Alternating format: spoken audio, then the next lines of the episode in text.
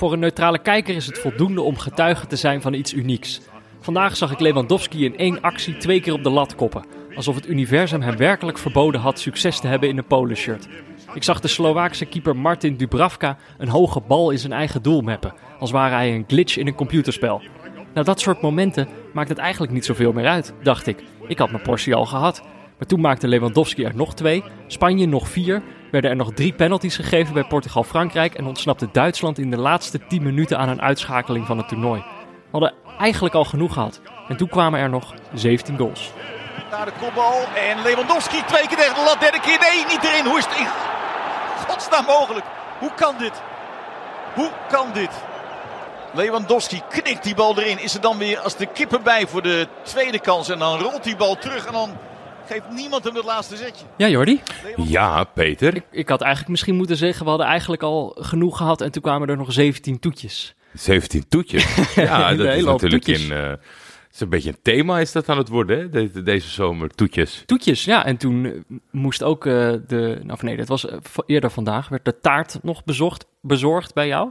Ja, hoe vind je dat nou, nu te- dat je tegen een miljoenen publiek praat? Ja, dat is, eh, dat is wennen. Ja, Eerst was dat niet zo en nu is dat wel zo. Ja, dat is, wij zijn nu in een andere podcast, daar kunnen we niet omheen. welkom bij het volgende segmentje. Ehm, nee, ja, wel heel leuk dat de Dag en Nacht Media dat doet. Kregen we een mooie grote slagroomtaart. Prachtig, heerlijk, fik van genoten. Dus ik wou net zeggen, er was één iemand was er heel blij mee. Ja, het was een beetje eh, eh, rampzalige timing, want ik, wij waren nog niet thuis. En eh, het buurmeisje die gaf aan van, ik heb hem aangenomen, maar ik heb eigenlijk geen plek in mijn koelkast. Dus wij snel naar huis. Maar ja, eh Fik naast mij in het trappenhuis, eh, die ziet de overdracht van de taart. Nou, toen eh, wist ik al dat het moeilijker dan normaal zou worden om het avondeten aan te halen. want eh, ja, het was toch de hele tijd, eh, papa taart. Heel erg lekker hoor. Heel erg lekker. Zat hij maar in zijn stoeltje. Nou Ja, vijf, vijf, zes hapjes van zijn avondeten. En dan, eh, dat was voldoende bodem eh, om, om een hoekje van onze taart te, te nuttigen. Je stuurde een, eh, een foto door waarin hij met een soort klein bestekje, met een, eh, een vorkje en een mesje zo eh, klaar zat om aan te vallen bij deze taart. Dat was het moment waarop ik erachter kwam dat die, eh, dat die taart überhaupt bestond en dat we die hadden gekregen. Eh, en ik, Jordi, je weet, je kent mij.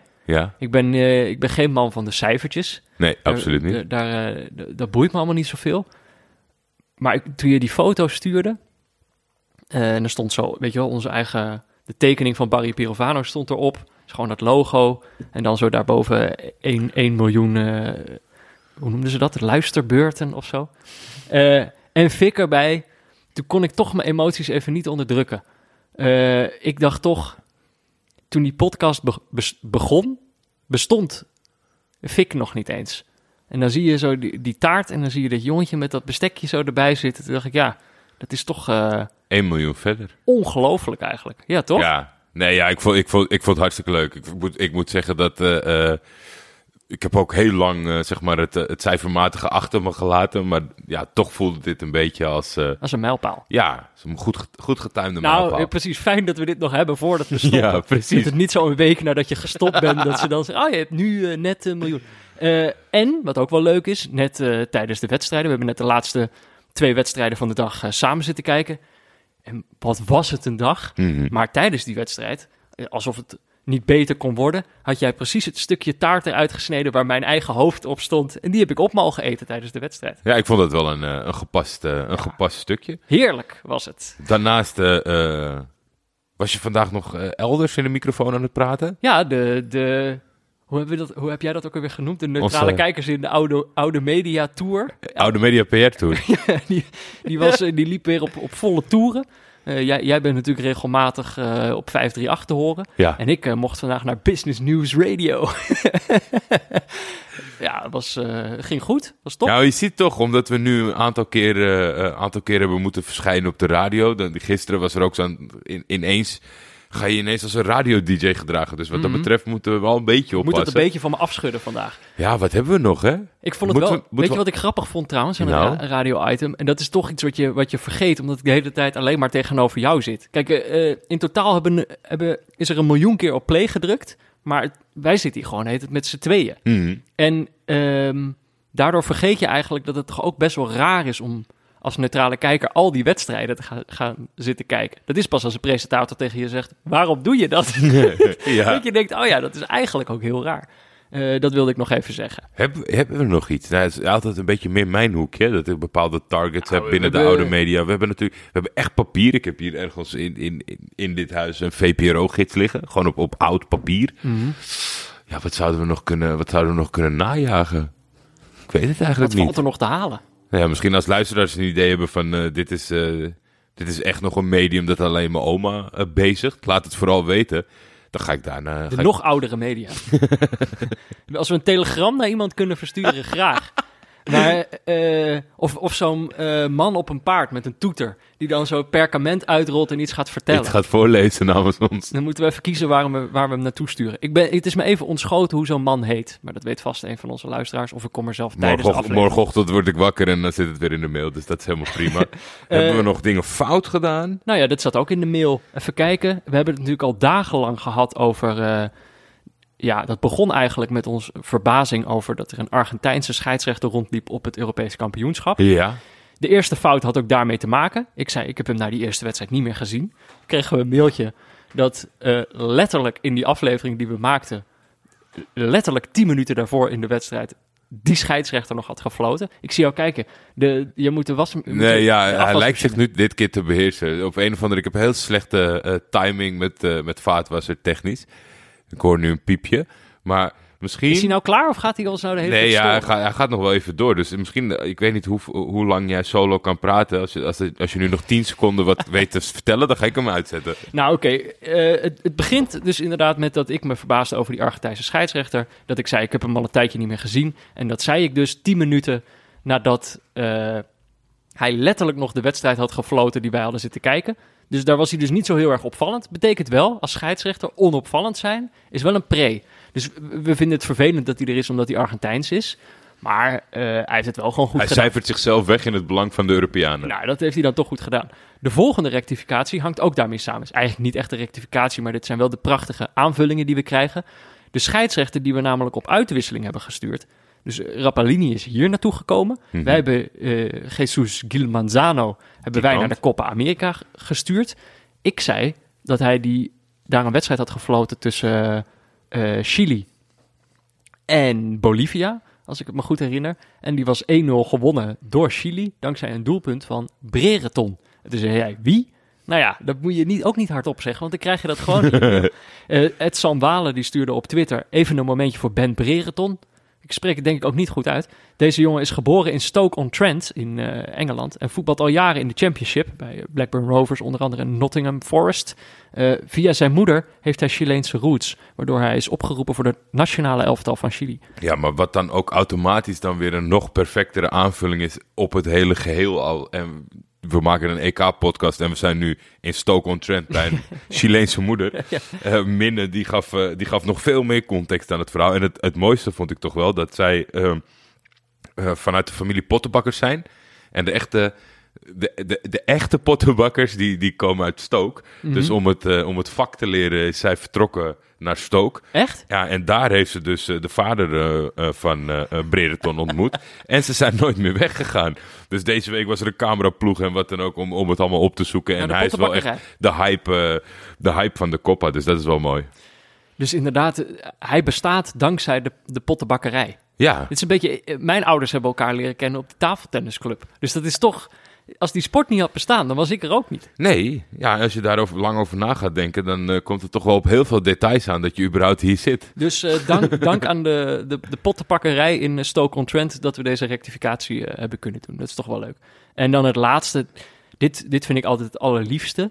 Als mensen wel iets zeggen en dat ze zeggen: ja, je hoeft het eigenlijk niet te rectificeren van mij. Dit was eh, Tanuki, een vriend van de show met de naam Tanuki. Die stuurde ons dat we gisteren. Kijk, wij kunnen niet rekenen. Dat hebben we wel van tevoren aangekondigd. Al dat schema rekenen en wie derde staat en eerste en tweede. Dat, eh, dat, dat snappen wij allemaal niet zo goed. En dat bleek dus ook, want we zeiden ja, Tsjechië, die, eh, die konden er misschien nog uitvliegen of zo. Of die konden nog derde worden. Dat was dus helemaal niet zo. Die hadden al vier punten en die waren dus eh, sowieso door. Ook als ze tegen een enorme nederlaag tegen Engeland zouden oplopen. En toen zei Tanuki al, het lijkt me niet de moeite om daar nog bij stil te staan in de volgende aflevering. En toen zei hij, nee, ik zet het gewoon recht. En toen zei hij, eh, nou, De NOS had zelfs iets laten rectificeren door wat een wiskundige over dit onderwerp had gezegd. En toen vond hij eigenlijk dat jij als wiskundige dat niet helemaal hoefde te rectificeren. Ja, enerzijds vond ik het dat hij wel heel, heel makkelijk ervan uitging dat ik niet ook wiskundige was.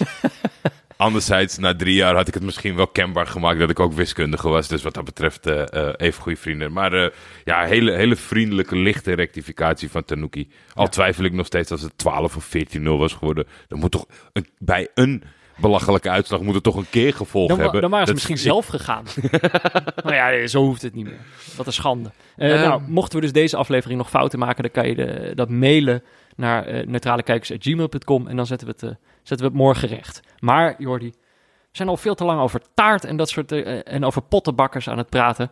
Dus er stonden natuurlijk gewoon vier fantastische wedstrijden op het programma vandaag. Ja, zeker weten. Wat een speeldag. Met, met jouw permissie, want wij hadden de wedstrijden verdeeld. Uh, jij offerde jezelf op om Zweden-Polen te gaan kijken. Zweden wel. In, uh, in ruil voor uh, de kraken natuurlijk Portugal-Frankrijk.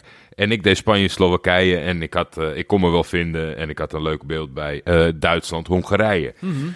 Met jouw permissie zou ik willen beginnen over Spanje. Omdat de uitslag wat anders doet vermoeden dan dat ik heb gekeken. Mhm. Mm -hmm. En dan kunnen we echt zeg maar gewoon een goede stap maken. En dan stijgen, stijgen, ja. stijgen. Ja, dat is Want... goed. Eindigen met Uh, een toetje dan uiteindelijk, hè? Ja, ik denk wel dat we, dat, uh, dat we het menu zo samen moeten stellen. Oké. Okay. Uh, Spanje was een, was een uh, ja, hoe zou ik het zeggen?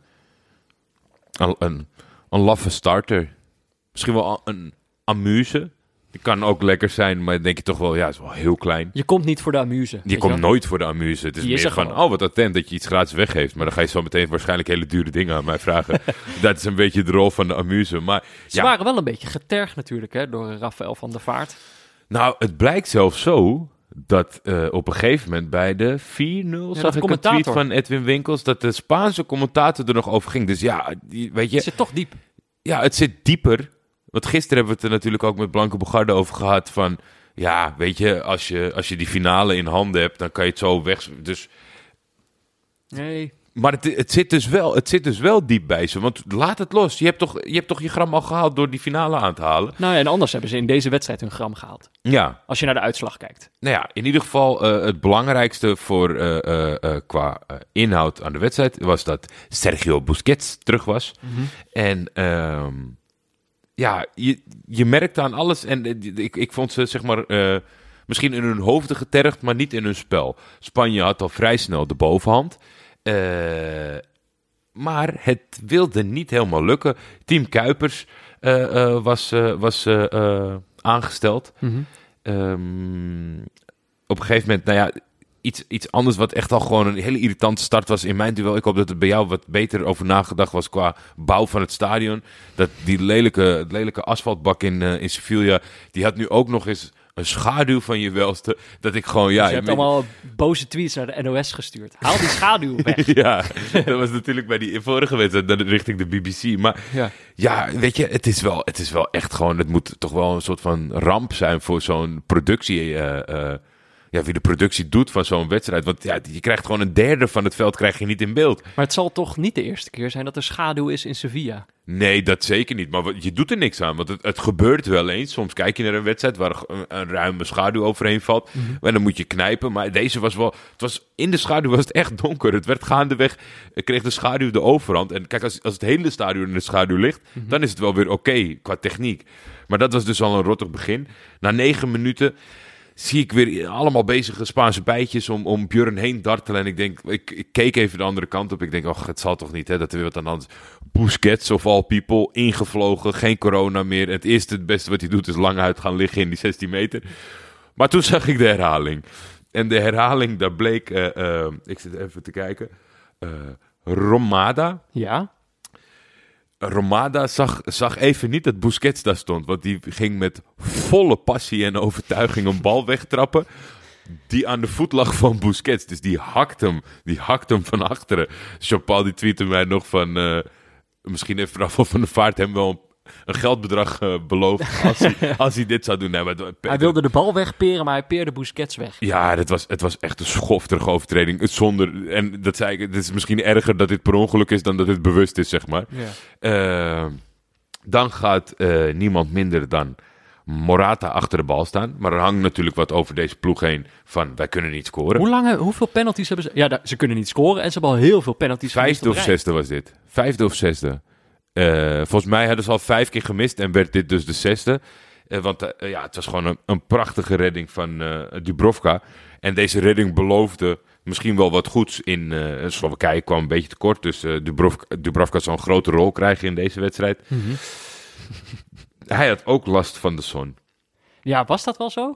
Ik heb toch wel het idee... Mag je de zon hiervan de schuld geven? Nou, nee, misschien niet. Misschien had hij een petje op moeten doen. Je hebt natuurlijk heel veel keepers die, als ze een paar straaltjes zon zien, dat ze een petje ik, opzetten. denk, ik denk dat Dubravka van tevoren had gezegd, ik doe geen petje op, dat vind ik gênant. Niet cool. Maar als hij achteraf zou mogen kiezen, was dit gênanter. Ja, dan Want- zou hij een petje met een propeller opzetten zelfs.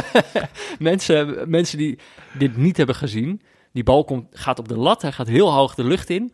En ja, je ziet het keepers wel vaker doen, die tikken hem dan zo over de lat. Gewoon, komt hij weer terug naar beneden en dan tik je hem gewoon achter, accepteer je die corner.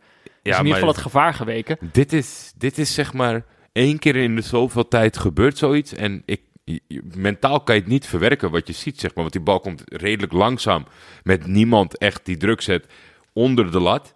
En hij duwt hem zijn doel in. Dat je, Ja. Het, het klopt niet. Het, het, het fysiek klopt niet wat hij. in- Als hij niet.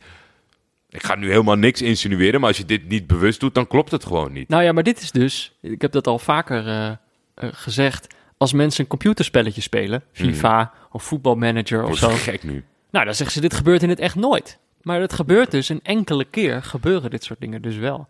Ja, Maar dat was de, toen was de ban gebroken toch? En was Dubravka Ja. misschien ook wel een beetje gebroken. dat, dat, dat, viel, dat viel nog wel mee enigszins. Het, eh, maar het was alleen jammer dat, eh, eh, of tenminste jammer voor de wedstrijd, dat vlak voor rust, echt, echt diep in de blessuretijd, Aymeric Laporte eh, zijn gram haalde voor de fout van de vorige wedstrijd en binnenkopte. eh, op aangeven van Moreno. Mhm. Ehm, en daar was, het, daar was het wel mee een beetje af. Er komt een dubbele wissel in de rust aan de kant van, eh, van Slowakije. Die echt gewoon de hele wedstrijd niet echt aanstalt eh, of, of, of aanspraak hebben gemaakt op, op ja, meer dan verlies. is toch jammer, want de eerste wedstrijd waren ze leuk. En daarna is het toch een beetje Ja, weggeëpt. En dat was, dat was zeker wel eh, eh, jammer. Ehm, Te vroeg gepiekt misschien. Kan. Pablo Sarabia op aangeven van Jordi Alba. Dat, ja, op een gegeven moment Jordi Alba bijna geblesseerd. Het was bijna twee duimpjes omhoog voor het toernooi. Ging helaas niet door. Eh Ferran Torres nog op aangeven Ja, van Sarabia. Lekker achter het standbeetje. Eh, eh, Dat was een hele mooie goal. Ja, was, was wel een mooie beeld. En de laatste was een eigen goal. Is hij uiteindelijk gegeven aan Kuchka. Maar waar daar zag Dubrovnik er ook weer niet goed uit. Dubravka. Dubravka. Die, is- oh ja, Dubrovnik is een, is een plaats, in Kroatië. Volgens mij een kustplaats. Ja. Schijnt prachtig te zijn. Volgens mij zijn daar niet de scènes van Game of Thrones eh opgenomen. Oh, is dat het? Zou kunnen. Nee, ja, dit gaat nu gaat het weer helemaal fout. Ja, ik weet wel, want het is wel beneden in Kroatië is die plek van eh, Game of Thrones. Maar dat, dat geheel tezijde. Maar ja, Slowakije had niks in te brengen. Het was niet een hele leuke wedstrijd. eh, hoe heet het? Ging, eh eh, Luis Enrique ging als een gek wisselen. Sommige mensen... Had ze cargo pants weer aan, zag ik. Ja, wel hè? Mhm. Ja. Misschien, ik weet niet, waren het een groen of had hij nou een blauw aan? Ik, ik zit nu opeens te denken, was het wel dezelfde? Maar ik zag Ik- wel die zakken er weer op. Ik ben eh, niet zo goed met kleuren, dus dat heb ik sowieso niet kunnen onderscheiden. Maar het, het, het- ja, het was een beetje uitdagen, vond ik. Als je dan toch weer, weet je, je kan één keer zo'n sepert maken, maar als je hem dan weer helemaal aantrekt, ja, dan, dan vind ik... Wat is je probleem? Gisteren ga je steppen in mijn in mijn zichtveld en het nu, trollen. nu trek je hem weer terug aan. Maar wat ik zeg, deze 5-0 doet vermoeden alsof, hey, Spanje is terug en Spanje is serieus. Dat, daar zou ik absoluut niet bang voor zijn. Nee. Ehm, kunnen we dan naar, naar de wedstrijd die ik heb gezien? Jazeker, ik ben zeer benieuwd. Zweden-Polen, dit was inderdaad het offer. Jij zei, offer jij je op om Zweden te gaan kijken? En dat, eh, dat heb ik dus gedaan. Maar ja, als dit het offer was, dan had ik misschien al wel kunnen verwachten wat er de rest van de dag allemaal nog zou gebeuren. Ik heb het veel te veel aangedikt en eh, daardoor is het zeg maar in, mijn face geknald. Nou, het was eigenlijk al op het moment dat ik mijn, eh, mijn laptop openklapte en die wedstrijd aanzette. Precies op dat moment lag de bal er al in. Gewoon in de eerste minuut. eh Forsberg. Die, Nou. Het was een beetje lekker rommelen. En die schiet hem zo tegendraads eh, in, in de hoek. is het bewust nu dat je hem op, dacht- zeg maar het Nederlands uitspreekt? Want Ik dacht, laat ik hem eerst zo uitspreken zoals mensen de naam kennen. En dan uitspreken zoals... Want jij stuurde op een gegeven moment het documentje. Waar had je dit vandaan? Eh, Lord of the Winds, uiteraard. Ah. Daar, kom, daar kom je dat altijd tegen. Maar het leek een soort document eh, voor commentatoren of zo. Om te leren hoe ze alle namen moesten uitspreken van de spelers. En er stond bij Forsberg stond er als, als fonetische omschrijving Forsberry. ja, die, die, eh, die G op het eind bij een, doen ze in niet. het Zweeds, dat doen ze niet aan. Dat is een Y. Dus vanaf nu heet hij Forsberry. Forsberry. En hij heeft, dit was ook volgens mij al zijn, eh, zijn derde goal voor, eh, voor Zweden. Dus, of ja, dit was de. Nee, hij maakt straks de derde goal. Een teaser alvast. Dit is, zeg maar, we zeggen de naam wel vaak genoeg om nog een aantal keer Fo- Forsberry te gaan zeggen. Jawel, toch? Nou ja, dus toen stond het al 1-0. En toen kwam eigenlijk, hier, toen kwam eigenlijk het moment waar ik al tevreden was. Namelijk Lewandowski, die toch eh, in een soort eh, Johnny van de Beukering eh, verandert als hij een poloshirt eh aantrekt. die, ja, het is gewoon, hij heeft die reputatie nu gekregen van in het Poolse shirt lukt het nooit. Ja. En op een gegeven moment dan uit een corner, dan springt hij ho- hoger dan iedereen. En dan kopt hij zo heel mooi die bal naar de grond. Die bal stuit op, paf, op de lat. En hij komt precies weer terug bij Lewandowski. En hoeft hem dan alleen maar, zeg maar, nog een te keer in- geven. nog een, één tikje. Maar ik, ik denk dat hij hem net te vroeg raakt, waardoor hij er een beetje onder zit. En die gaat die bal gewoon, paf, nog een keer op de lat. En dan is er een soort eh, onhandige scrimmage. Loopt volgens mij Krigowiak loopt in de weg, die valt. Die ligt dan eigenlijk op de lijn, waardoor die bal er ook niet meer ingeschoten kan worden. En dan wordt die bal weggewerkt eh, door de Zweden. En toen was ik eigenlijk al tevreden. Dacht ik, zo'n mooi poëtisch moment. Dat je altijd dat kan herhalen en dan kan zeggen, zie je, het lukt Lewandowski nooit in, de, in het rood-wit van Polen. Eh, maar ja, dat was natuurlijk veel te vroeg. Ik, ik, ik eh, zei dat veel te vroeg. Deze wedstrijd zou nog veel verschillende vormen gaan aannemen. Isaac viel mij op. Beetje onzichtbaar Oh, deze wedstrijd. Ja, gek genoeg. Eh Quaison heeft een basisplek eh, veroverd ten koste van Marcus Berg. Perry. En eh, die was... eh, oh, Marcus Berry, sorry. Ehm, en Isaac was dus een beetje onzichtbaar. Quaison die eiste meer de aandacht op. Een andere speler die eh, ook de aandacht op eiste was Kulusevski. Eh, Dat was hij eindelijk. ik weet niet meer wat de correcte Marco van Basten uitspraak was van die Ku- Kusku- Kuskuslevski of zo. Ja, Nou ja, in ieder geval... eh, die jongen die kwam erin. Die kwam erin. Die was natuurlijk heel lang afwezig door een coronabesmetting. En die maakte zo'n verschil. Ik dacht opeens van ja, als deze jongen erbij staat, is dat Zweden ook veel, veel minder saai. Dus misschien hebben we ook wel een veel saaier Zweden gezien, omdat zij dachten... Puur nou, en alleen door zijn aanwezigheid, dat, dat, is natuurlijk wel een interessante impact. Ja, ik, kan, Nou- ik kan het niet beoordelen, maar natuurlijk, omdat ik het niet gezien heb. Maar Nee, niet, niet puur en alleen door zijn aanwezigheid. Want hij was er in het begin niet. Toen was het ook al leuk. Het was gewoon een open wedstrijd. Ja. Polen, Polen wilde en Zweden eh, wilden ook. Ehm, en nou ja, Kulusevski staat er net in. En dan valt de, de 2-0. En dit was wel zo'n momentje. Hij was wel beter dan bijna iedereen op het veld. Dus er is op een gegeven moment een countermogelijkheid. En hij is zo snel en zo slim. ja. Eh, heeft hij een enorme sprint getrokken. En dan legt hij de bal nog, eh, nog breed op Forsberry. En die, eh, die knalt hem gewoon strak binnen. Dat kan je wel aan die jongen overlaten. Het stond dus 2-0 voor Zweden. Slecht nieuws voor Polen. nou, maar eh, goed nieuws voor enkele niet-neutrale kijkers die aan het eh, kijken waren. De Nederlanders hebben namelijk al de hele week zitten rekenen. En een van de dingen die moest gebeuren eh, om de nummer drie, de gevreesde nummer drie van Pool F te ontlopen, was dat Zweden deze wedstrijd zou moeten winnen. Dus toen bij 2-0 eh, waren alle niet-neutrale Polonaise. kijkers- Ja, Polonaise. De oranje koorts, die, die, die, die steeg de pan uit. Eh, en toen kwam de wedstrijd eigenlijk helemaal los. Twee minuten later, Lewandowski. Ja, had ik dus veel te vroeg eh, gejuicht. Deze man was er nog steeds. En dit was wel van grote klasse. Kapt zo naar binnen. eh, Schiet die bal dan zo hoog in de verre hoek. De keeper Robin Olsen kon er niet bij. Het stond opeens 2-1. En toen, wat eigenlijk de hele wedstrijd al het geval was... was dat Zweden achterin helemaal niet stabiel was. Ze hebben een soort reputatie van je komt er helemaal niet doorheen. Terwijl Polen kwam er eigenlijk iedere aanval doorheen. Ja, maar is, is dat dan, is dat dan niet misschien de afweging die zij maken van of we laten vandaag het saaie Zweden zien en daar kom je niet doorheen? Of wij stellen Nee. ons gewoon... Ik denk dat het de paniekerige Zweden was. Ja? Ja, en ik weet niet hoe dat komt. Want het was, ik ging nog kijken, hebben ze moeten wijzigen achterin. Maar het was precies dezelfde Mhm. vier spelers achterin. Misschien dat Polen veel Ja, we hebben natuurlijk aanviel. al echt, echt veel ploegen gezien die telkens een ander gezicht laten zien. Ja, Zweden heeft na twee keer precies hetzelfde gedaan en heeft nu vandaag een totaal andere wedstrijd met totaal andere speerpunten. Want Isaac geeft niet thuis en de verdediging geeft niet thuis. En dat waren twee wedstrijden achter elkaar de enige dingen die thuis gaven. ja, maar Dus in de 58ste minuut had je die goal van Forsberry. Ja. 60ste minuut die prachtige goal van Lewandowski. 64ste minuut wordt er 2-2 gemaakt. Nou, die wordt eh, eigenlijk ook onmiddellijk eh, weer afgekeurd. Oké. Eh, maar dit was wel opeens dat je dacht van holy shit, deze wedstrijd ligt opeens Hij helemaal open. Hij kantelt. Nou ja, je, je weet gewoon niet meer welke kant het op gaat vallen. Dan valt eh, bij, aan de Poolse kant nog de 17-jarige Kasper Koslowski in. Eh, 17 jaar. Heeft dit seizoen 20 wedstrijden gespeeld in de Poolse extraklassa. Werd mij verteld door commentator Arno Vermeulen. Shout-out. Die ik toch even een shout-out wil geven. Dat moment, je hebt het al gehoord aan het begin van deze podcast.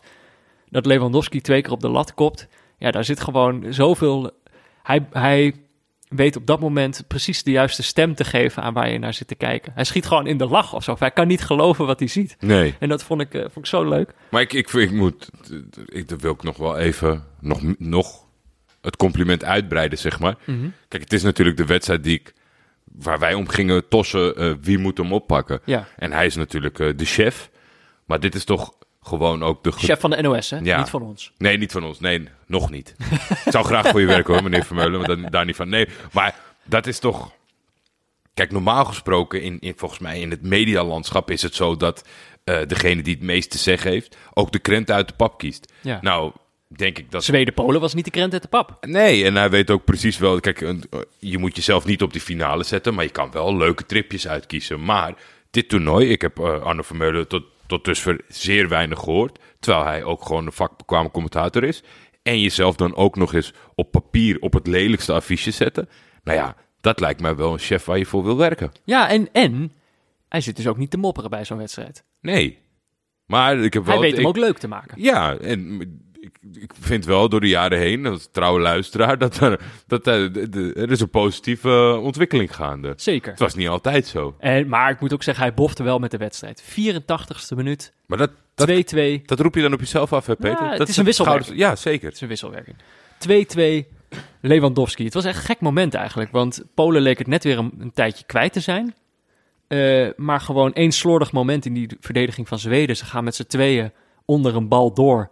Hebben op een of andere manier besloten om Lewandowski niet te dekken. Terwijl dat lijkt me toch een beetje de enige taak die je hebt als verdediging tegen Polen. Ja. Eh, maar hij valt gewoon precies in de voeten van Lewandowski, die daardoor één op één met de keeper staat. Ja, dan kan je aan hem wel overlaten, zelfs in een Polen-shirt. Dus die tikt hem gewoon vrij eenvoudig eh, binnen. 2-2. Ik schrijf op, krijgen we dan voor het eerst een knotsgekke slotfase? het was al best wel knotsgek tot nu toe. Maar we hebben natuurlijk niet heel veel gekke slotfases gezien. Nee. Eh, maar hier was het eh, wel het geval. Eh, in de 90 plus 3 was het de ingevallen Victor Claesson die de, die de bal binnenwerkt voor Zweden. En toen was, toen was het echt klaar. En toen wist ook Polen dat het echt klaar was. Die, hadden natuurlijk maar, die hebben maar één punt veroverd dit toernooi tegen Spanje. Zeer matig. Zeer matig, hè? Hebben een beetje teleurgesteld. Ja. Ze waren deze wedstrijd echt leuk. Maar qua prestaties is dit natuurlijk wel, wel beroerd. Ja, ik, blijf, eh, ik blijf erbij dat, eh, dat je met deze selectie... dat er meer mogelijk moet zijn dan eh, één punt in deze groep. Maar ja, het is wat het is. En we nemen afscheid van de Polen. Het is ook weer niet dat ze onze hart hebben veroverd. Maar Nee. dat had potentieel wel gekund. Maar ja, dan heb je misschien toch een betere trainer nodig. Slowakije, op basis van die eerste wedstrijd had ik ze graag doorzien gaan. Maar we moeten toch concluderen dat er niet genoeg in zat om, eh, om echt onze harten te stelen. Nee. Dus die zijn eh, volgens mij een van de niet beste nummers drie geworden. Als ik het zo bekijk. Pijnlijk. Eh, ja, pa- ja, maar zij hebben wel kort hoeven, zij hoeven niet zo lang te wachten. Dat is in hun voordeel. Ze kunnen waar. gewoon morgen de koffertjes pakken. Ja, nee, dat is waar. Dat, en dat gun ik ze ook wel. Niet die lijdensweg, maar gewoon... Oké, dit was het. We hebben het, we hebben het prima gedaan. Eh, ja, dit, dit was alleen nog maar het begin van deze speeldag. Mhm. We moeten natuurlijk nog, eh, nog twee wedstrijden van deze speeldag gaan bespreken. Eh, dat gaan we zo doen, maar we gaan eerst even naar een berichtje van onze sponsor.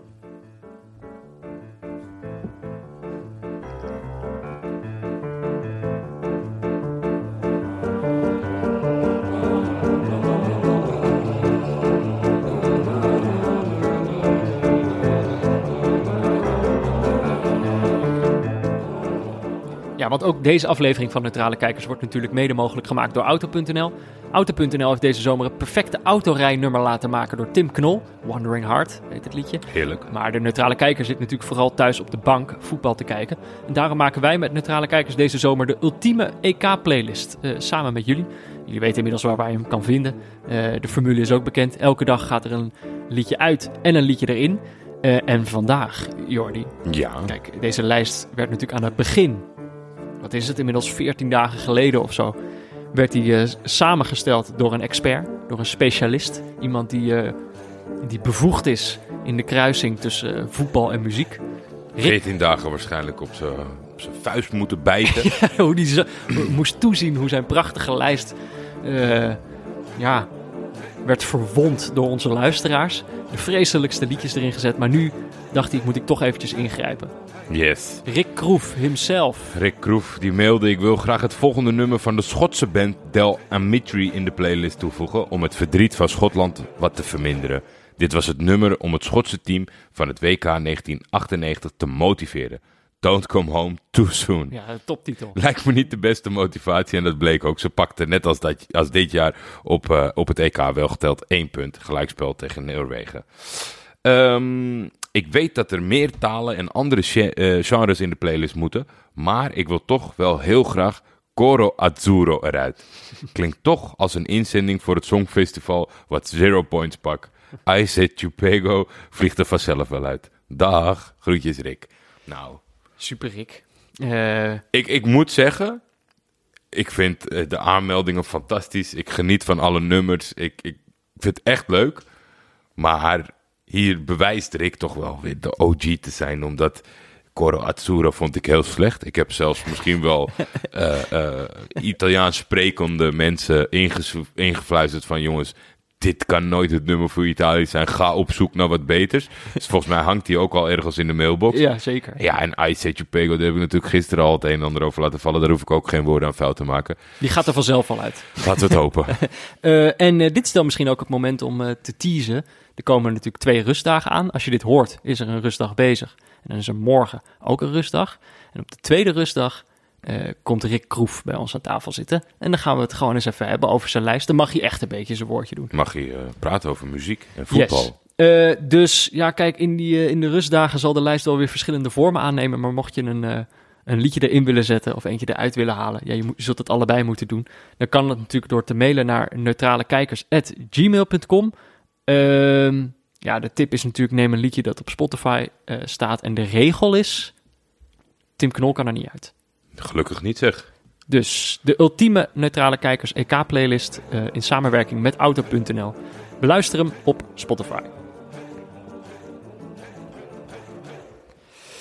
Ja, Jordi. eh, dan hebben we nog twee andere wedstrijden. Grand op het dessert. Ja, grand dessert. Ja, zeg dat wel. Wat een, wat een toetjes. Eh, Portugal, Frankrijk en Duitsland, Hongarije. De pool des doods. Waar het van tevoren zo hoog over werd opgegeven. Hongarije, dat zou wel kanonnenvoer zijn. Eh, Ja. Nou, en die hadden in de vorige twee wedstrijden al bewezen dat niet te zijn. Ik probeerde nog tussen, volgens mij, ik weet niet zeker hoor, maar ik ga, ik ga natuurlijk eh, de credits voor mezelf opzoeken. Dat gaat niemand anders voor mij doen. Ik denk dat ik een aantal keer heb aangegeven, net, ja, kanonnenvoer, kanonnenvoer, kanonnenvoer. Kan het ook in je voordeel uitpakken? Dat iedereen maar denkt, daar wals we over, wordt het 6, 7 of 8-0.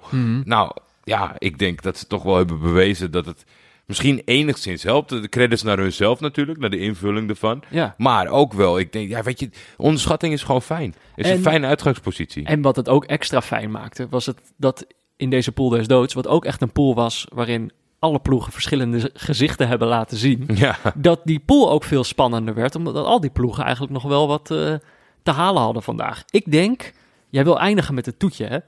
Dan zullen we toch moeten eindigen met Duitsland-Hongarije, denk ik. ja, dat denk ik ook wel. En eh, zullen we dan beginnen met Portugal-Frankrijk? Eh, en wil je dan beginnen met de diepteanalyse van Pieter Zwart? Ja, want dan kan, kan hij ons een beetje handvaten geven. En, dan, dan weten we in ieder geval dat we niet hele foute dingen vinden. En dan hoor je ook meteen waarom we niet met deze wedstrijd moeten eindigen. Toch? Pieter weet dat wel weer goed te verwoorden. Ja, absoluut. Kijk een pressing. Kijk een pressing.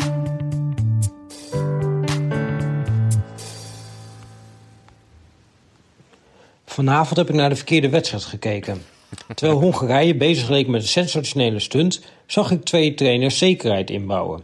Frankrijk ging terug naar de 4-2-3-1 die WK-succes had opgeleverd. Portugal haalde een van zijn twee verdedigende middenvelders weg, maar Fernando Santos zette ook Bruno Fernandes naast hem op de bank. Toen hij een kwartier voor tijd toch mocht komen, was dat als rechtsbuiten. Hoe het kon dat het dergelijk duel toch in 2-2 eindigde? Strafschop, strafschop, strafschop. En drie keer deed Paul Pogba wat briljants. Voor lanceerde hij Kylian Mbappé. Vlak na de hervatting Karim Benzema. En een schot van afstand ging dankzij de lat en de Rui Patricio voor de verandering eens niet binnen. Frankrijk en Portugal hebben met deze pot opnieuw bewezen dat ze niet zo makkelijk te verslaan zijn. Maar EK-winnaar? Dan moet nog wel even aan deze ploegen gesleuteld worden. Gegenpressing. Oei. Oei. Gegenpressing. DJ en Fernando. ik zou vanavond niet gaan slapen, maar nog even gaan blokken. Die, ve- die vegen nu hun voorhoofd af eh, met, eh, met een servetje. Ja, Die hebben dit toch moeten slikken. Ja, dit was natuurlijk de wedstrijd die ik heb gezien. Ik denk, als ik hem moet samenvatten, van tevoren hing er een beetje in de lucht van, wordt dit misschien een salonremise? Dat dacht je van tevoren. Toen die wedstrijd bezig was, dacht je, nee, dit wordt, dit- nee, godzijdank, het wordt geen salonremise, ze doen het toch. En toen opeens het laatste half uur dacht je, ja, maar wacht even, dit is wel gewoon een salonremise. ja. Dus in deze wedstrijd zelf eh, hadden ze meerdere gezichten. Ehm, ja, en Pieter zei het zo mooi. Hij heeft de verkeerde wedstrijd gekeken. Eh, ik heb natuurlijk eh, deze wedstrijd zitten kijken samen met jou in dezelfde kamer. Terwijl jij op de tv naar Duitsland-Hongarije zat te kijken, keek ik op mijn laptop eh, naar Portugal-Frankrijk. En af en toe riep ik even jouw aandacht als er iets aan de hand was. En dat waren eigenlijk, wat Pieter ook zegt, strafschoppen. Ja, maar Ik dat, moest jou iedere strafschop liet ik even aan jou zien, alsof jij de VAR was eigenlijk. ja, maar dat kan dan misschien een soort van... eh, dat je denkt van, is dat genoeg voor een leuke wedstrijd? Maar eh, als je zeg maar de angst hebt met twee top, toplanden... die niet per se op jacht hoeven naar een overwinning... dan was misschien toch wel de, de, de idioterie omtrent de, de, de penaltymomenten... die zorgde wel dat er leven in de wedstrijd bleef. Dus misschien wel... Nou ja, eh, je kan het je haast niet voorstellen, maar was het een soort van redmiddel om deze wedstrijd kijkbaar te maken? Ja, ik, zullen we gewoon iedere penalty even aflopen? Eerste penalty eh, wordt gegeven, wordt gegeven omdat eh Hugo, Hugo Lloris gewoon bijna het hoofd van Danilo eraf stompt. ik kan het niet anders omschrijven. Alsof de eerste klap niet hard genoeg was, kletst hij nog even met zijn elleboog door. Ja. Ja. het, was echt, het was echt heel hard. En ik moest zeggen, kijk, uiteindelijk wordt het, nou ja, iets te veel. Uiteindelijk wordt het de Matteo Lahos show. Dus de, Ja. de arbiter van vanavond. En dat is misschien wel een vervelende factor. Maar op dit moment was ik nog heel erg blij toen jij je laptop omdraaide. Keepers worden veel te, veel te erg beschermd. Er zijn echt, er zullen zat mensen zijn die zeggen van, nou ja, komt er gewoon uit. Het is Ja, maar het ik denk als risico je, van op het vak. als je op deze manier uitkomt, dan, eh, dan, dan gaan er gewoon aan de lopende band toch gasten met hoofdblessures van het veld af. Ja, dat lijkt Danilo mij wel, maar het is toch gewoon in de rust, hè? totale, totale mispeer. Kijk, als jij gewoon met, met twee handen naar de bal gaat en het, Ja. het, het komt niet helemaal lekker uit. Dat is totaal wat anders. Maar volgens mij mensen de- niet... Mensen vonden het niet per definitie allemaal een penalty. Nou, Nee, ja. de verdediging zou zijn dat het in zijn in zijn eigen eh, was het niet. is. Was buiten. Eh, en dat die eerste bal speelt en daarna pas het, het hoofd van Danilo. Maar ik heb eigenlijk gewoon zoiets, als je die beelden ziet en je ziet hoe dat hoofd van Danilo, eh, alsof hij inderdaad door een bokser knock-out wordt Ja. gemapt. Als je, de, als je hem helemaal zo ziet gaan, dan denk ik, dan kan je toch niet... Als je dat ziet, dan zie je toch, dit zou een penalty moeten zijn. Als dit geen penalty is, dan geven toch alle keepers gewoon vrijbrief om, om steeds lomper uit te komen. Dus ik vond het een terechte penalty. Nou ja, dan weet je ook wel wie erachter gaat staan bij Portugal. Er worden veel penalties gemist op, dit- op dit toernooi. Ja, deze man gaat dat echt niet gebeuren. Eh 1-0 Ronaldo. Kwartiertje later, vlak voor rust. En dit is dus de, de, krijgen, we de een, andere kant van de medaille. krijgen we een Gracia Salvadora. Dat betekent goedmakertje. Een goed makertje. Nou ja, dat was het oh, in het Spaans. Zodat Lahos ook... eh, ja, nou dit was precies wat er gebeurde. Eh, ik denk wel, Semedo haalt... Geeft Benzema een zetje. Hij staat eigenlijk aan de verkeerde kant. Dus Benzema krijgt de steekbal. Mbappé. Oh, Mbappé, sorry. Ik zei Benzema. Heb ik hier voor de tweede keer dit toernooi. Je ziet toch dat we aan een afscheidstoernooi bezig zijn. Ik, ben, ik, ik, ik bescherm je. Ja, ik het zit was gewoon weer op de automatische Het piloot. was, een, eh, het was een lullen. steekbal van Ver. Mbappé Ja. zet aan. En Ik wist wel dat het Mbappé was, maar ik zei Benzema. Mbappé, ik heb toch het idee van, wat je kan van alles vinden en het- misschien werd eh eh, Semedo een beetje overrompeld, maar het is gewoon Mbappé die tegen hem aanloopt. Nou ja, en gewoon, als je hiervan gaat liggen, het, het slaat gewoon nergens op, zeg maar. En het stomme is dat hij hiervoor een penalty krijgt. En dan denk ik, dit is gewoon, ik kan dit niet bij elkaar verenigen. Aan de ene kant wordt iemands hoofd er bijna afgeknald. En eh, aan de andere kant heb je een soort, soort reglementaire penalty, zeg maar. Want je gaat hem terugkijken en dan zie je van, ja, hij wordt geraakt of zo. En dan snap ik ook wel weer dat je hem geeft. En die zo- verdediger staat ook aan de verkeerde kant. Maar eh, ik denk gewoon, als je iemand, iemand zo op zijn gezicht gestompt ziet worden, dan iedereen die dat ziet zegt, ja, dit zou een penalty moeten zijn. Terwijl hierbij voel je niet van, oh, dit zou terecht een penalty moeten worden. Nou, en het werd hem dus wel vlak voor rust. Dan is het wel Benzema. Die Ja, ik zag- ik zag ook wel- Dat ik- weet ik zeker. Dat dit Karim Benzema was, weet ik zeker. Ja, ja, ja. Die op deze manier de kans krijgt om zijn eh, eerste doelpunt te maken op een eindtoernooi. is een Eh, klein beetje huiverig voor. Kan niet anders hij zeggen. was gespannen, dat zag je aan alles. Maar misschien dacht hij ook wel een beetje, ja, is dit het dan, weet je wel? Had het zich misschien wel wat mooier voorgesteld, zijn eerste goal na ja, terugkomst. ik, eh, ik vond die ik, eh, nog heel Mbappé terugkomen. We hebben het natuurlijk over gehad dat ze misschien niet heel, eh, heel veel geluk en spelplezier uitstralen. We hebben natuurlijk niet zo heel lang geleden een, een prachtig voorbeeld gezien van Mbappé. Dat hij opstaat en doorloopt, zeg maar, in de Champions League. Dat, Ja. hij, dat, hij, dat hij er niet voor kiest om deze slappe weg, eh, eh, ja, toch deze slappe eh, manier van uitvoeren in de hoop dat. Ja, ja, vind ik ook wel. Eh, maar ja, oké, dat, dat moest ik nog heel even zeggen. Dat een heel groot contrast in een zeer korte tijd, zeg maar. Omdat hij juist de, de, de, de harten veroverde door op te staan toen en Ja. door te rennen. Maar dit was wel echt. Ik kreeg in de rust kreeg ik veel eh, steuntjes in de rug. Ik heb natuurlijk in de, ik heb mensen gedurende dit toernooi gevraagd of ze alsjeblieft hun best wilden doen om van Portugal te houden. Dat vonden mensen heel erg moeilijk. Ja, Ik heb zelf ook ervaren hoe moeilijk dat is. Was eigenlijk wel vrijwel onmogelijk. Maar wat zie je dan? Het enige wat eigenlijk nodig is om van Portugal te, te gaan houden, is er een ploeg tegenover zetten die eigenlijk nog irritanter is. En Frankrijk heeft gewoon zoiets over zich heen hangen, dit toernooi. Want hoe ze dit balletje dan weer meekrijgen, dat is gewoon...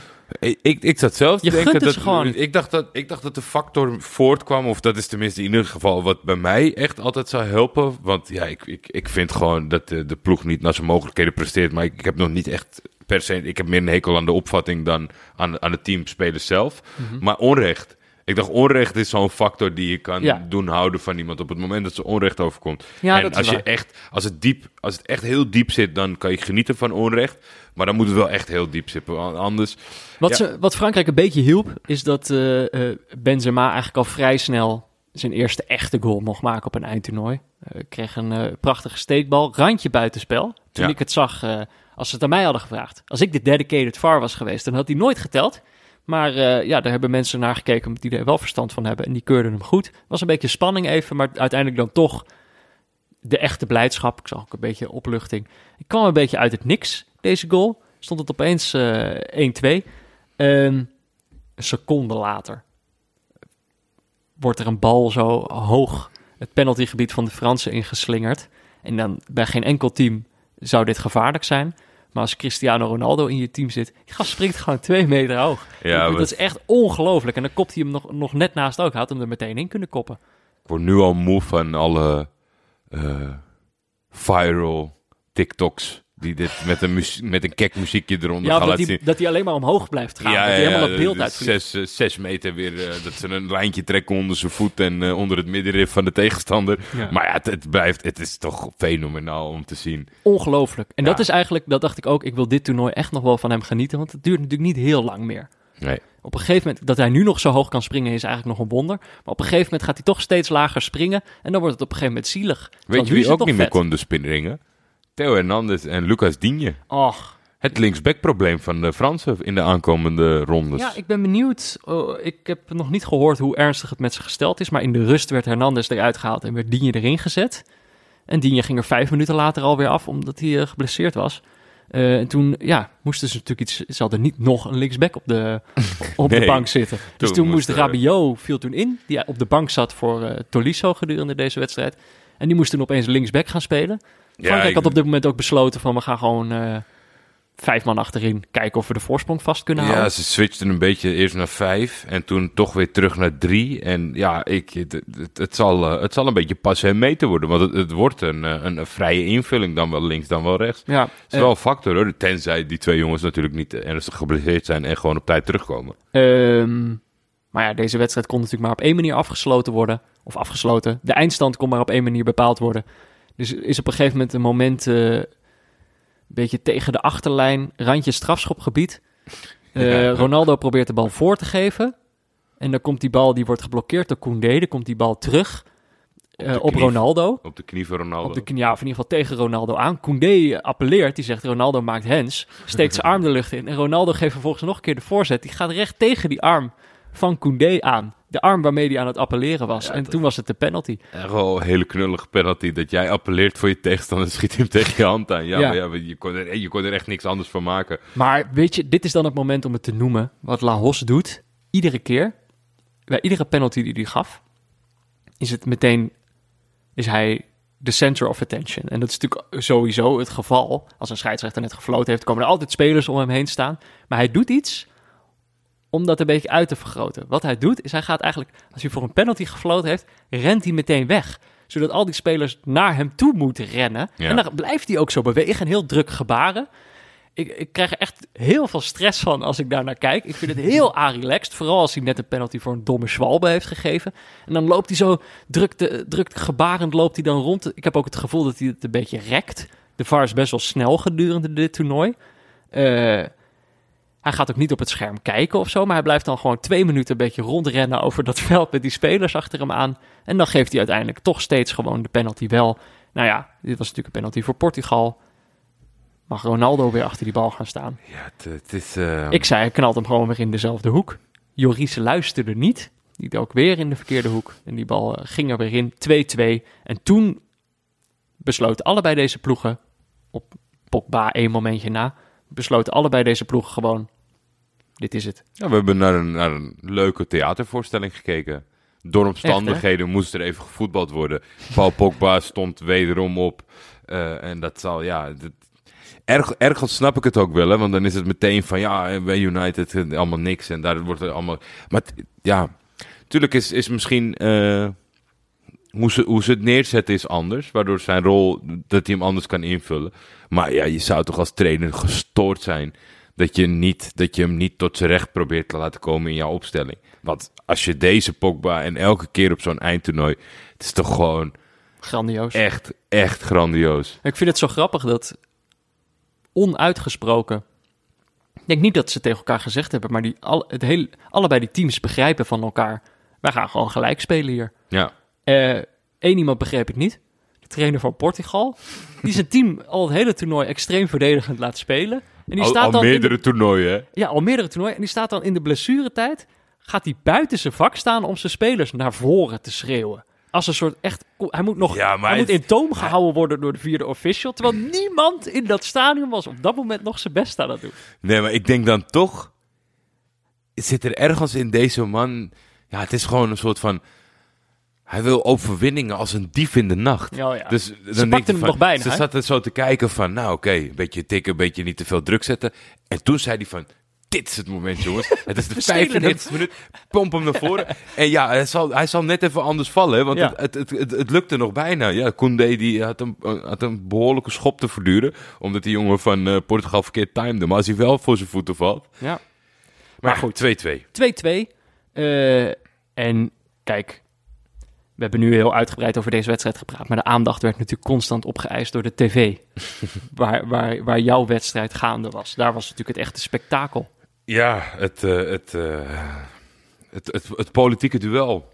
Dat het natuurlijk een beetje Juist geworden is door alle... Niet politiek. Niet De politiek. UEFA zegt dat het de schuld is van de mensen die een regenboogband wilden dragen, dat het politiek is. Boelgedoe, maar daar is denk ik wel genoeg over gezegd en gesproken. En dus laten we het eh, achter ons laten. Of niet achter ons laten, maar nu even op de wedstrijd focussen, zeg Ja. maar. Ehm, Ja, want eh, dat, dat wil ik er wel over zeggen. Je weet niet precies wat die spelers daar zelf van vinden. En ik vind het ook altijd een beetje dubieus of ik vind het altijd lastig om te bepalen van wat kan je nou precies van spelers verwachten. Zeker in zo'n land waar, waar, je niet, waar je niet elke keer erbij bent op een eindtoernooi.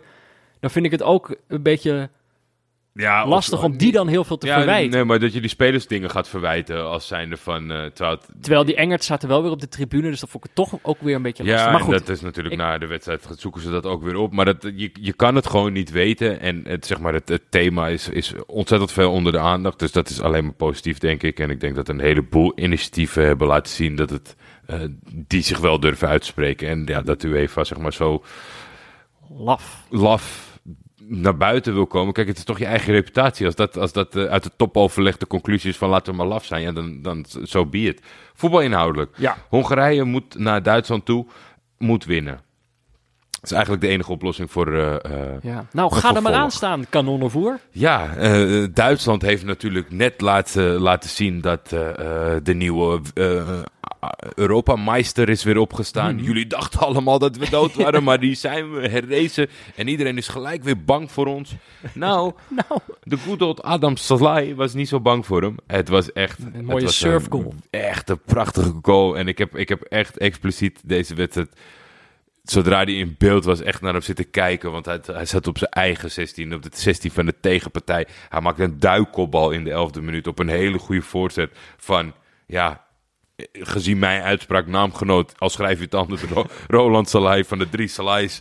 is natuurlijk wel gewoon eh, eh, het leukste trio van dit, eh, van dit toernooi ja, toen geworden. stond het opeens 0-1. Ja, En toen lag Duitsland uit het toernooi, virtueel. Ja, en toen was het natuurlijk. eh, ik, ik zit dan toch wel een beetje met mijn armen over elkaar. ten opzichte van de vorige wedstrijd. Het zijn die wingbacks goed op elkaar afgestemd. En die wingbacks, het, oh, dat Duitsland, het, het, swingt. Robin Nou. Het werd wel heel snel duidelijk dat we naar het Duitsland van, het, eh, van eh, het eerste groepsduel aan zaten kijken. Het was Machteloos. moeilijk, machteloos, veel balbezit, tikkies breed, niet te doorkomen. Kijk, Gulashi is geen fantastische keeper, maar die is niet heel veel eh, in stelling eh, gebracht. Nee, niet veel aan het werk gezet. Duitsland had gewoon echt, eh, eh, echt heel veel moeite.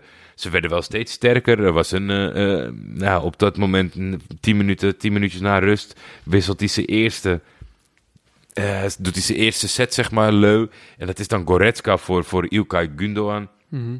Bij Goretzka heb ik echt het idee van, jongen, knip, verknip je abonnement op de sportschool, stop eens. wat, wat, wat wordt dit voor anabole eh, monster? Het is echt niet te, niet te doen. Die gozer is een soort van onherkenbaar, maar ook hij oogt een beetje log, zeg maar, omdat hij zoveel Ik spieren hoorde heeft. eh, dit toernooi nog een analist, ik, god ben ik wel vergeten wie het was, hoorde ik nog zeggen over Ronaldo, Cristiano Ronaldo, vandaag ook in actie, dat die op een gegeven moment bewust een aantal kilo aan spiermassa heeft verloren om zijn snelheid te kunnen behouden. Dit is gewoon Goretzka kan op een gegeven moment niet eens meer zijn benen dat- buigen. Nee, die kan, ze- die, die, die kan zijn eigen eh, fetus niet strikken op dit moment. Want Dan, dan, dan ploffen waarschijnlijk, dan, dan, dan schudt ze shirts op zijn rug. Het is echt een soort hulk geworden.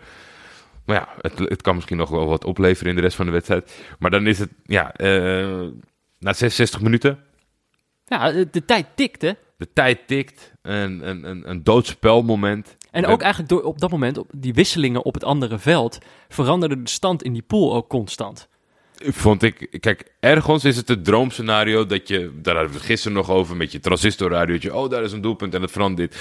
Maar dat wij met z'n tweeën op de bank de hele tijd allerlei externe factoren moeten eh, jammer, eh, ja. benaderen om te weten van wat betekent dit nou. Dat is, het is wel gewoon dom.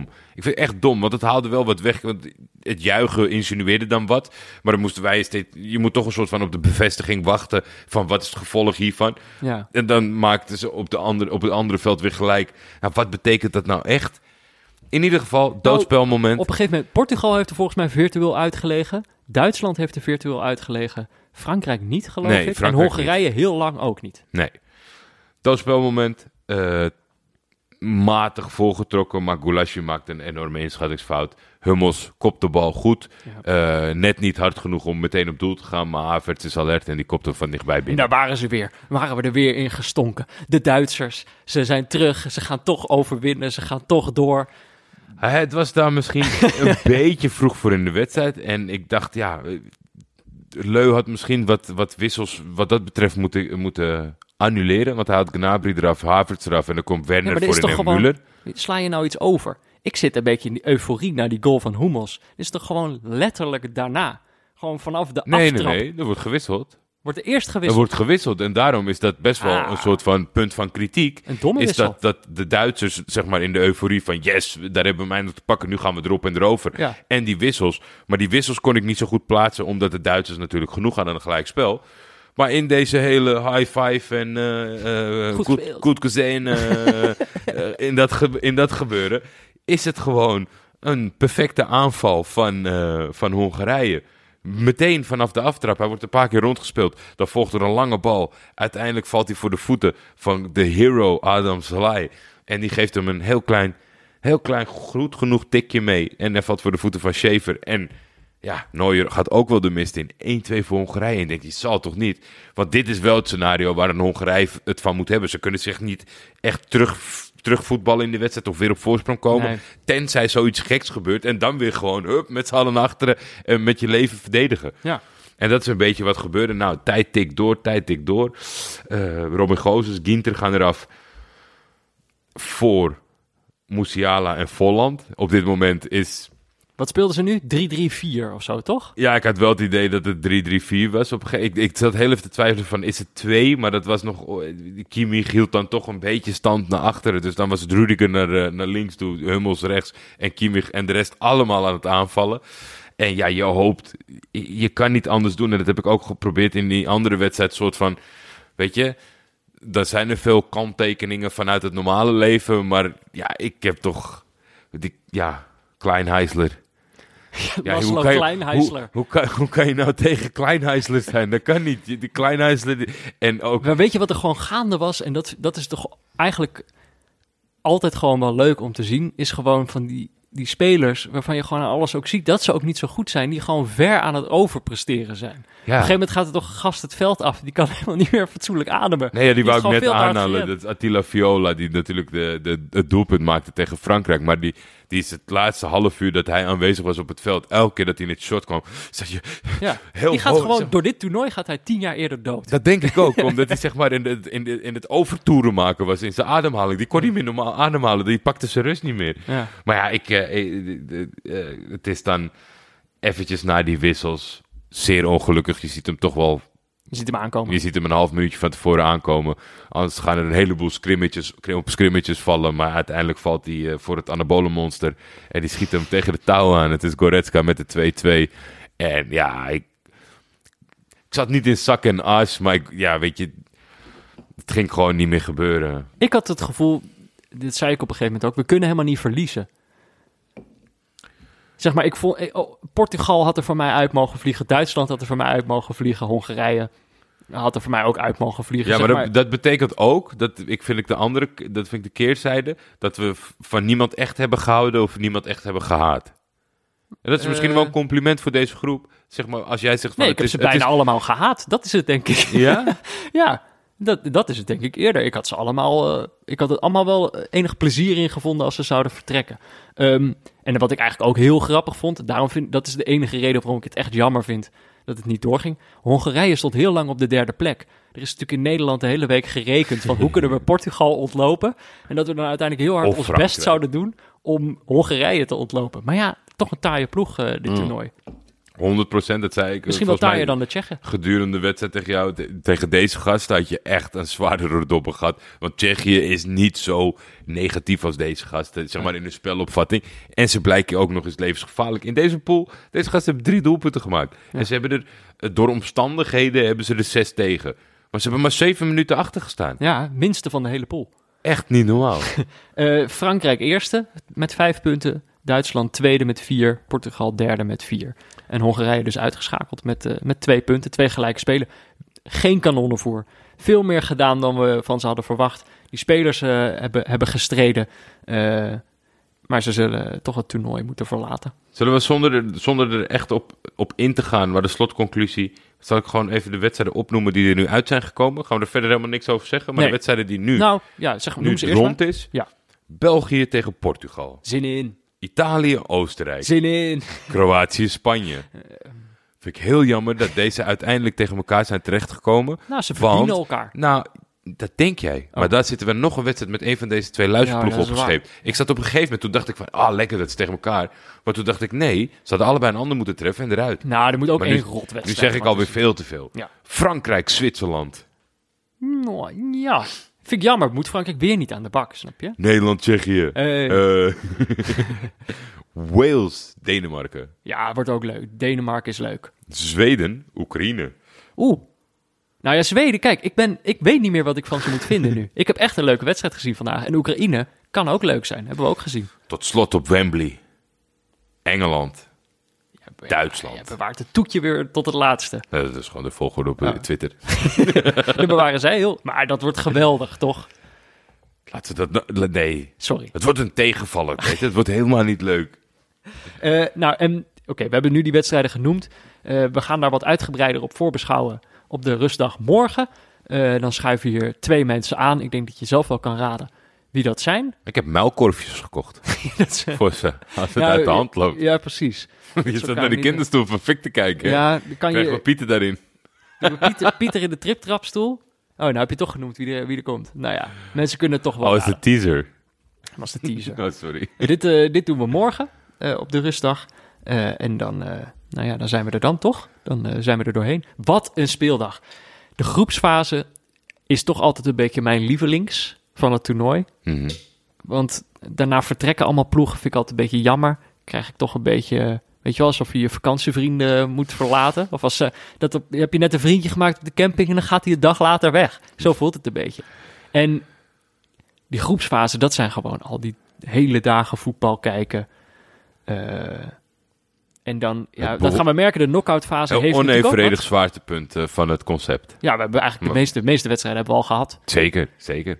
Ik had nog wel trouwens de neutrale kijkers. Sebon, noodkraker Oh, van de ja. dag. Precies, die zouden we Gisteren. vergeten. Mensen melden zich dat ze één van de drie goed hadden. Maar ja, als je zegt welke speler, tussen aanhalingstekens S, je had ook eh, twee namen kunnen noemen. Dus helemaal goed. Wat dat was je niemand... vraag ook alweer? Eh, welke speler geeft de meeste key passes? Oh ja. En er was, zat één hele verrassende bij, dat was Lyndon Dykes. en die andere waren Kovacic en Perisic. Allemaal met drie. En dan was er nog in het voordeel van de twee Kroaten dat ze allebei een assist nog Dit hadden had gegeven. niemand. Dit had niemand. Niemand, had, deze, niemand had deze drie, eh, drie namen genoemd. Vandaag was het, eh, welke van de vier landen die s'avonds in actie komen, eh, welk, welk land heeft de meeste corners? Mhm. Hoeveel zijn dat er? En wie neemt de laatste? Oeh, Ja. En volgens mij, ik denk dat de winnaars tussen zitten. echt? De uitkomst is eh, gebleken. Ik heb net even gebeld met, eh, met Wesley en eh, met Jan. Mhm. Opta heeft, de notaris van Opta heeft er een klap op gegeven. Yes. Het schijnt Duitsland te zijn met zes. En de laatste werd genomen door Tony Kroos. Nou, als, ja, degene die dit goed heeft, je, je kent de formule, bij ons melden en dan krijg jij een lekker zakje noten van Sebon. Ja, Toch? absoluut. En wat ik nog wilde zeggen is dat als we naar de hele groepsfase hebben gekeken, dan was deze speeldag wel een prachtig toetje. Heel, heel, hele mooie afsluiter. Ja, toch? Eh, ja, hoe, dit verzin je toch niet? Die wedstrijden die we vandaag hebben gezien. ik, eh, ik geloof het niet. Dat, net als Arno Vermeulen aan het begin. Dit geloof je toch niet? Neutrale Kijkers is mede mogelijk gemaakt door Dag en Nacht Media. De hoofdsponsor op de bo- borst is Auto.nl.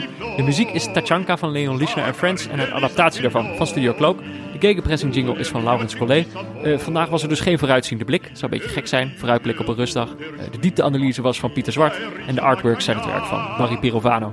Onze notenpartner is Sebon, de beste notenbar van Amsterdam. Je kan daar de speciale neutrale kijkers borrelmix krijgen om lekker op te knabbelen. Tijdens eh, nou ja, de rustdagen dan maar. Wil je meepraten? Dat kan. Je kan ons volgen op Twitter via het buurtvader of @defef. Je kan ons mailen op neutralekijkers.gmail.com of je kan een eh, berichtje sturen via vriendvandeshow.nl slash neutralekijkers.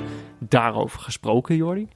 Oh shit, ik had hem alweer dichtgezet. Een nieuwe vrienden van de show. Natuurlijk zijn we hebben nieuwe weer. vrienden. Onze vriendenkring heeft zich uitgebreid. er. Gisteren werden we vrienden met een pot chocopasta zonder suiker. Eh, die maakte gebruik van de, ja, toch de advertentiemogelijkheid die wij niet bieden, maar die er wel is. Die er zeker is, die er zeker is. En dat, eh, dat eh, eh, valt meerdere mensen op. Die gaan daar nu gebruik van maken. Vind ik heel leuk. Want ik vind een stukje reclame maken, ja... Voice-over zou ik hartstikke leuk vinden om eens te doen.